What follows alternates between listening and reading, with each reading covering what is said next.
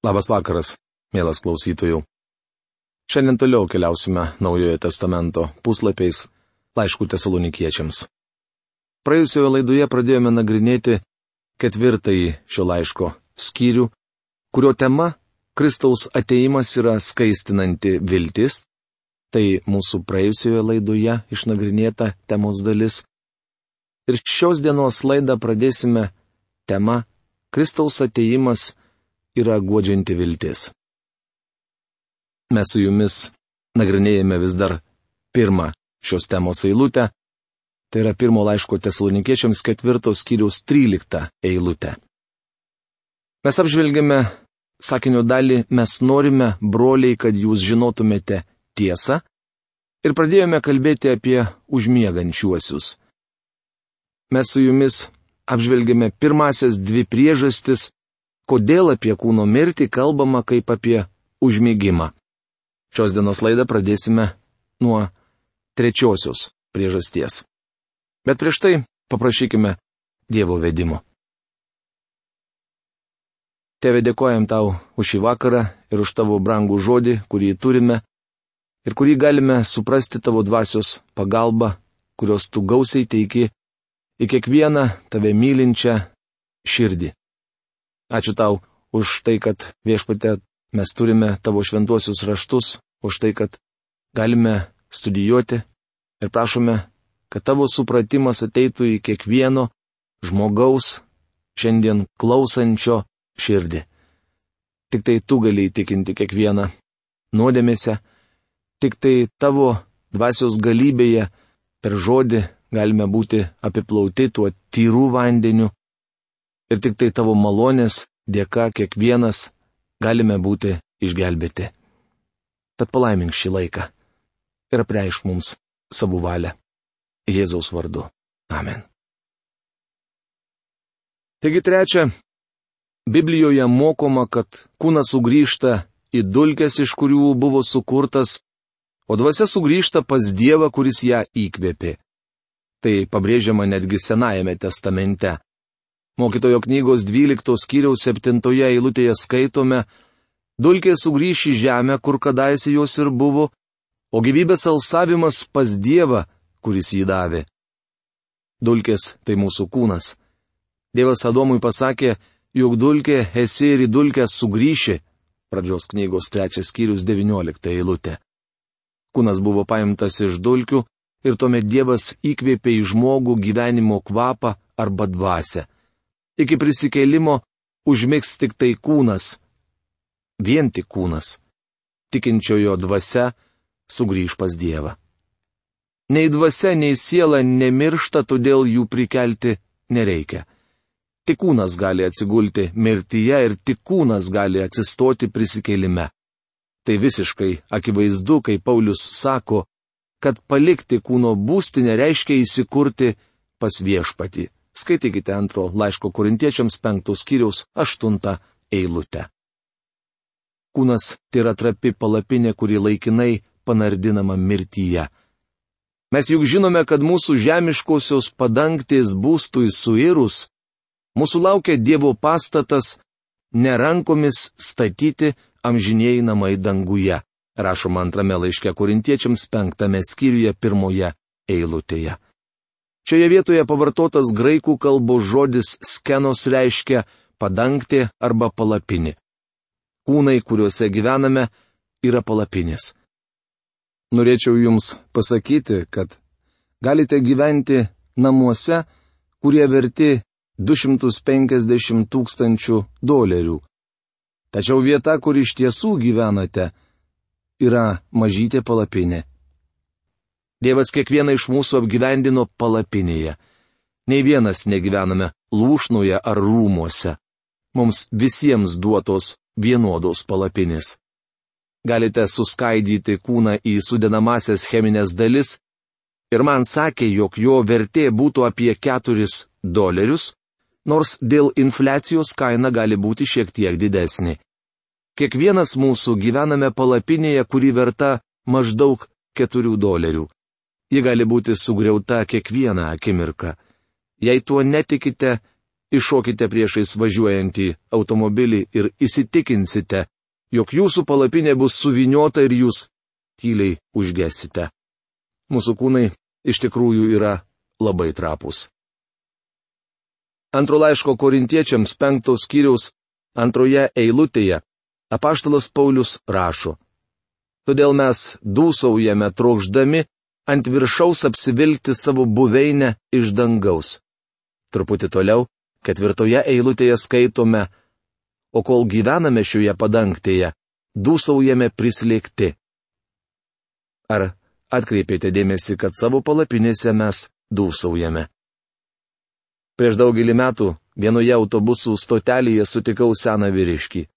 Jam turėjo būti arti 80. Jis keikėsi kaip jūreivis. Aš jam pasakiau, broli, Jūs jau nebeilgai vaikščiosite šią žemę ir turėsite atsiskaityti prieš Dievą. Jis susidomėjo, iš kur tai žinau. Dievas jums taip sako. Išžilai nudažė jūsų plaukus. Žingsniai tapo nebe tokie tvirti, pečiai pakumpo, eidamas pritrūkstate kvapo. Jis stengiasi jums pasakyti, kad nebeilgai čia užtrūksite. Čia žemėje jūs gyvenate mažytėje palapinėje, kuri greit suirs.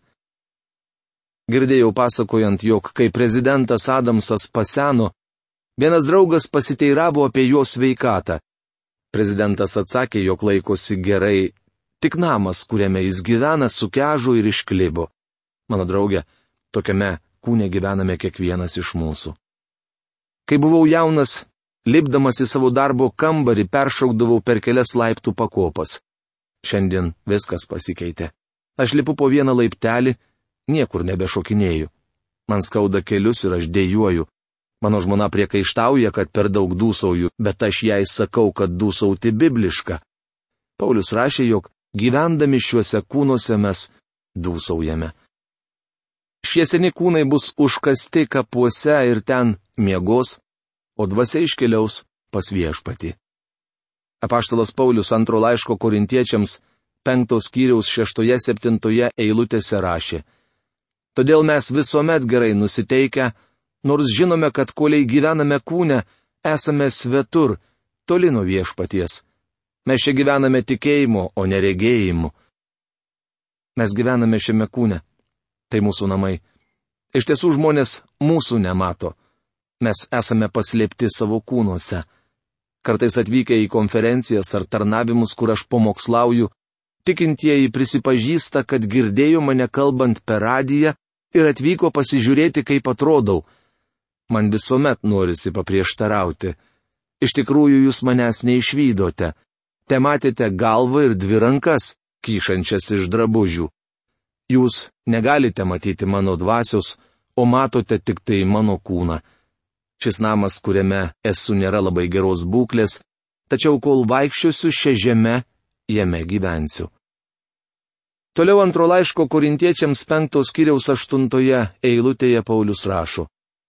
Vis dėlto esame gerai nusiteikę ir pasiruošę palikti kūno būstinę ir įsikurti pas viešpatį. Negaliu įsivaizduoti nieko geresnio. Jei ateitumėte į mano laidotuvės, nenorėčiau, kad prieję prie karsto pasakytumėte, jog atrodau labai natūraliai. Mielas bičiuli, tuo metu manęs karste net nebus jūs tik žvelgsite į paliktą palapinę, seną užmigusį namą. Aš įsikursiu pas viešpatį, o prisikelimo metu mano, kaip ir kitų tikinčiųjų kūnas bus prikeltas. Prieš daug metų, iš tiesų tai vyko 1920 metais, kai liberalizmas buvo vadinamas modernizmu, New Yorko mieste vyko ginčiai, ar prisikelimas yra dvasinis.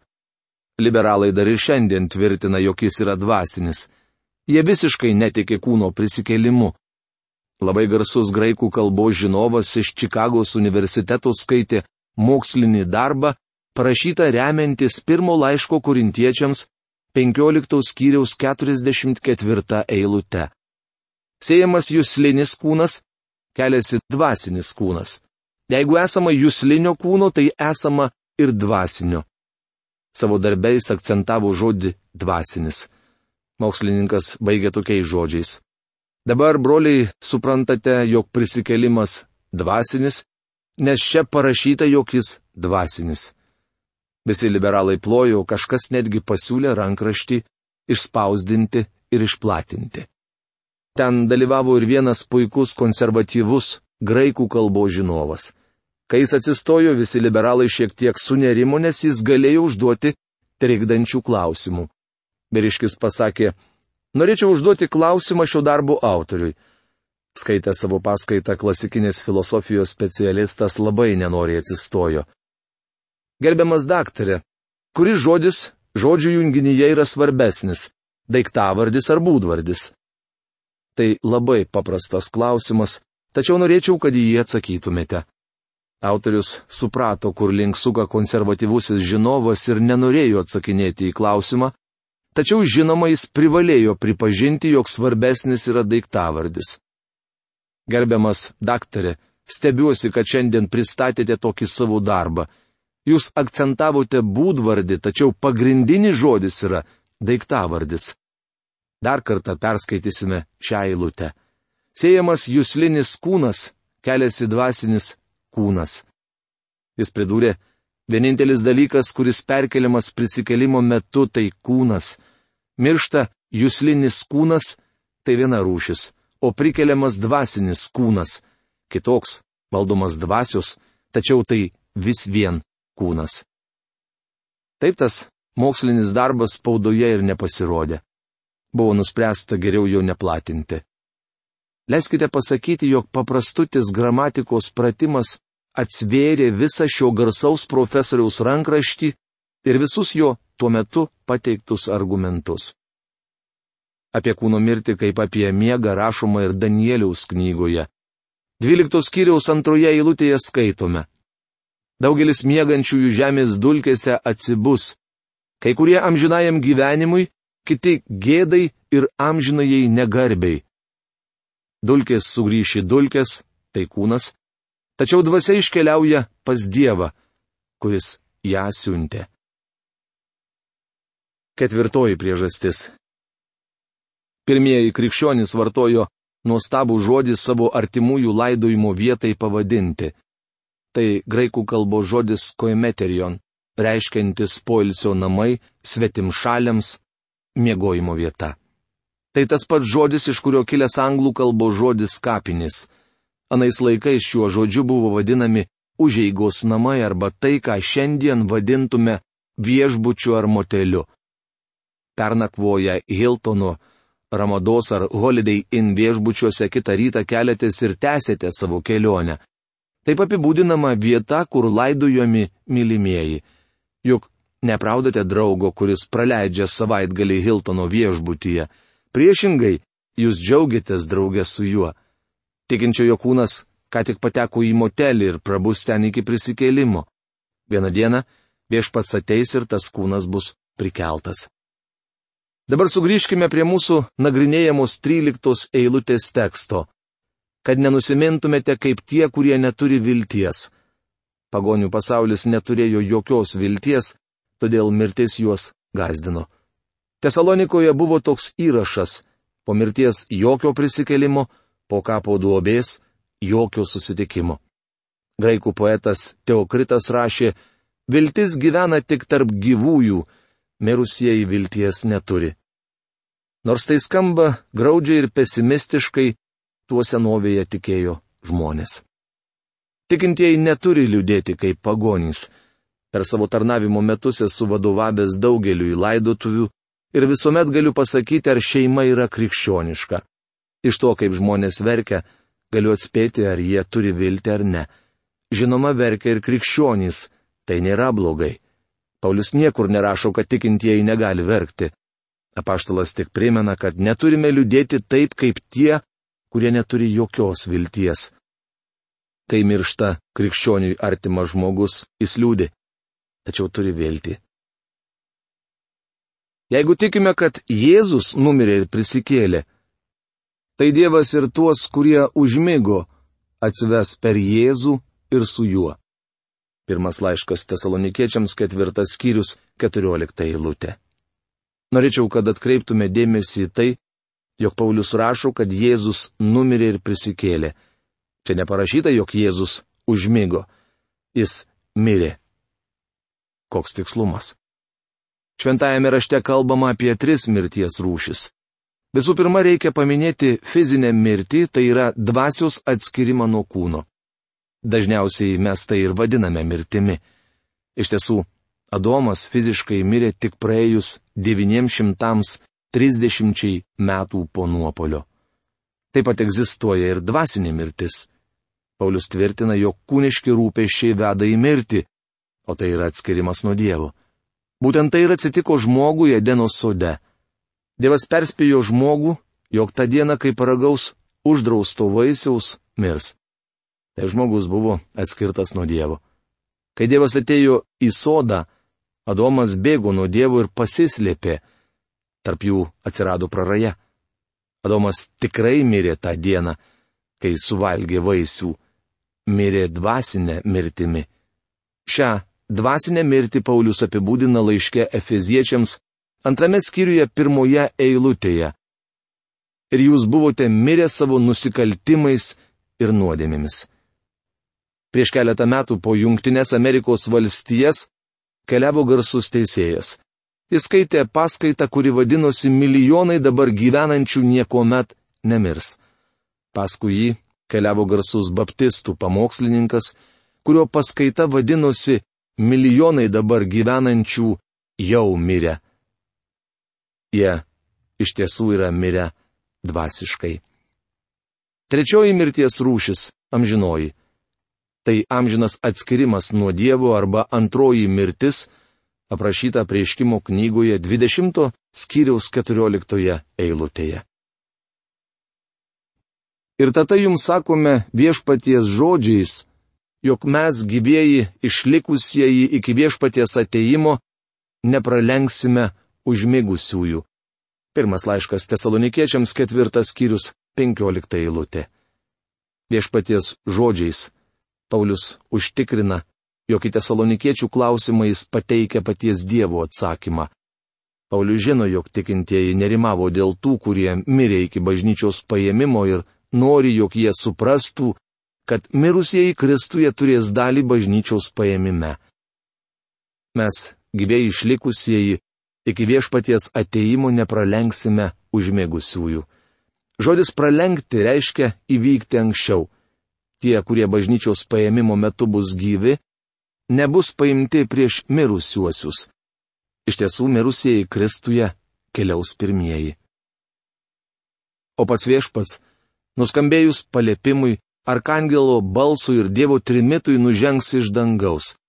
Tuomet pirmiausia prisikels tie, kurie mirė Kristuje.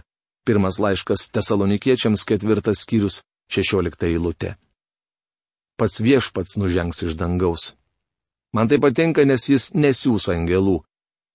Kai viešpats ateis į žemę įkurti savo karalystės, jis pasiūs savo angelus į keturis žemės kraštus, kad jie surinktų išrinktuosius ir izraelitus, ir pagonys, kurie įeis į karalystę. Tačiau kalbant apie bažnyčios paėmimą, nepaminėtas joks angelų tarnavimas. Angelai pranešė apie Kristaus gimimą, tačiau kaip apie jį skelbė pranašai.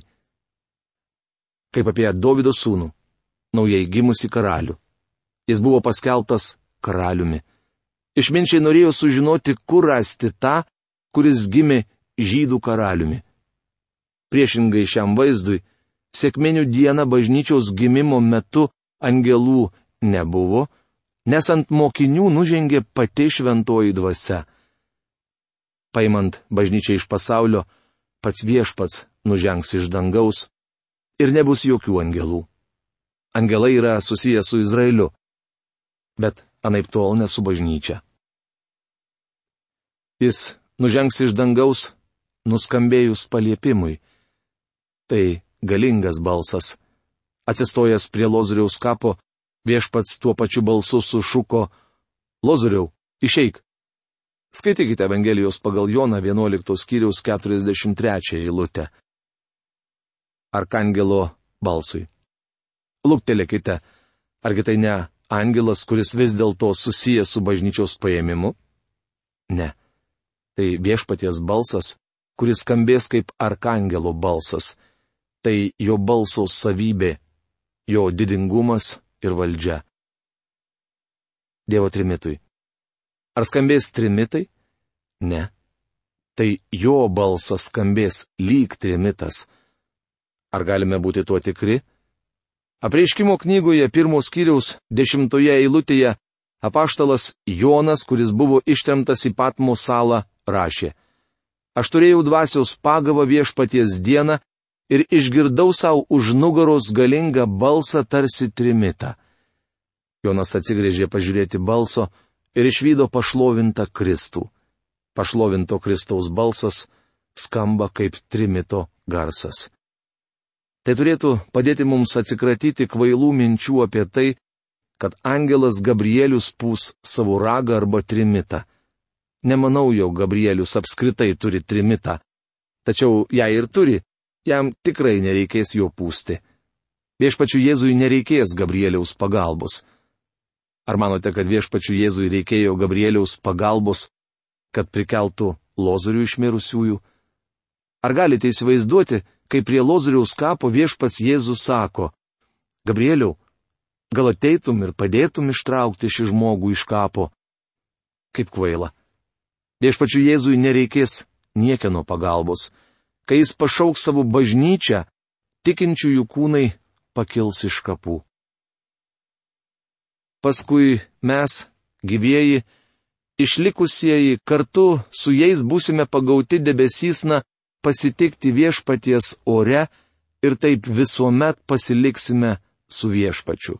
Pirmas laiškas tesalonikiečiams ketvirtas skyrius, septyniolikta eilutė.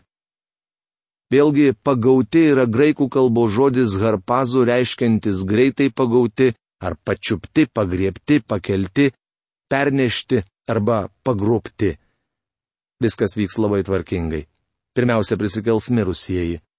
Štai iš kapo pakyla steponas. Galbūt jis ir vadovaus visai procesijai, kadangi tapo pirmojų kankiniu. Prisikels apaštalai ir visi tie milijonai, kurie atidavė savo gyvybę už Jėzų. Jie paprasčiausiai kelsis pagal kiekvieno šimtmečio eilę. Galiausiai, jei tuo metu būsime gyvi, mes užbaigsime paradą. Eisime patys paskutiniai. Didžioji bažnyčios dalis jau peržengė mirties lengstį. Todėl guoskite vieni kitus šiais žodžiais. Pirmas laiškas tesalonikiečiams ketvirtas skyrius, aštuoniolikta eilutė. Ar jis rašo, gazdinkite vieni kitus šiais žodžiais? Žinoma, ne. Mano Biblijoje parašyta, todėl guoskite vieni kitus. Tai reiškia ne tik guosti paprastą to žodžio prasme, bet taip pat ir pamokyti, paraginti vienas kitą bei apie tai kalbėti. Mano draugė. Jėzus vieną dieną pasiims savuosius iš šio pasaulio. Kokia tai šlovinga, nuostabi pagoda.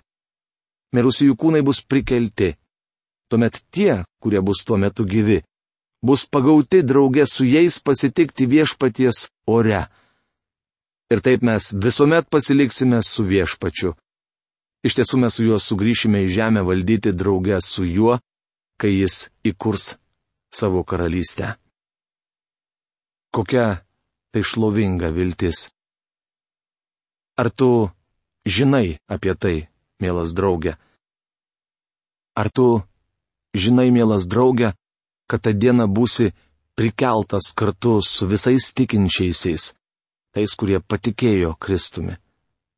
Jeigu tu tuo nors truputėlį abejoji, tai tau reikia gimti iš naujo.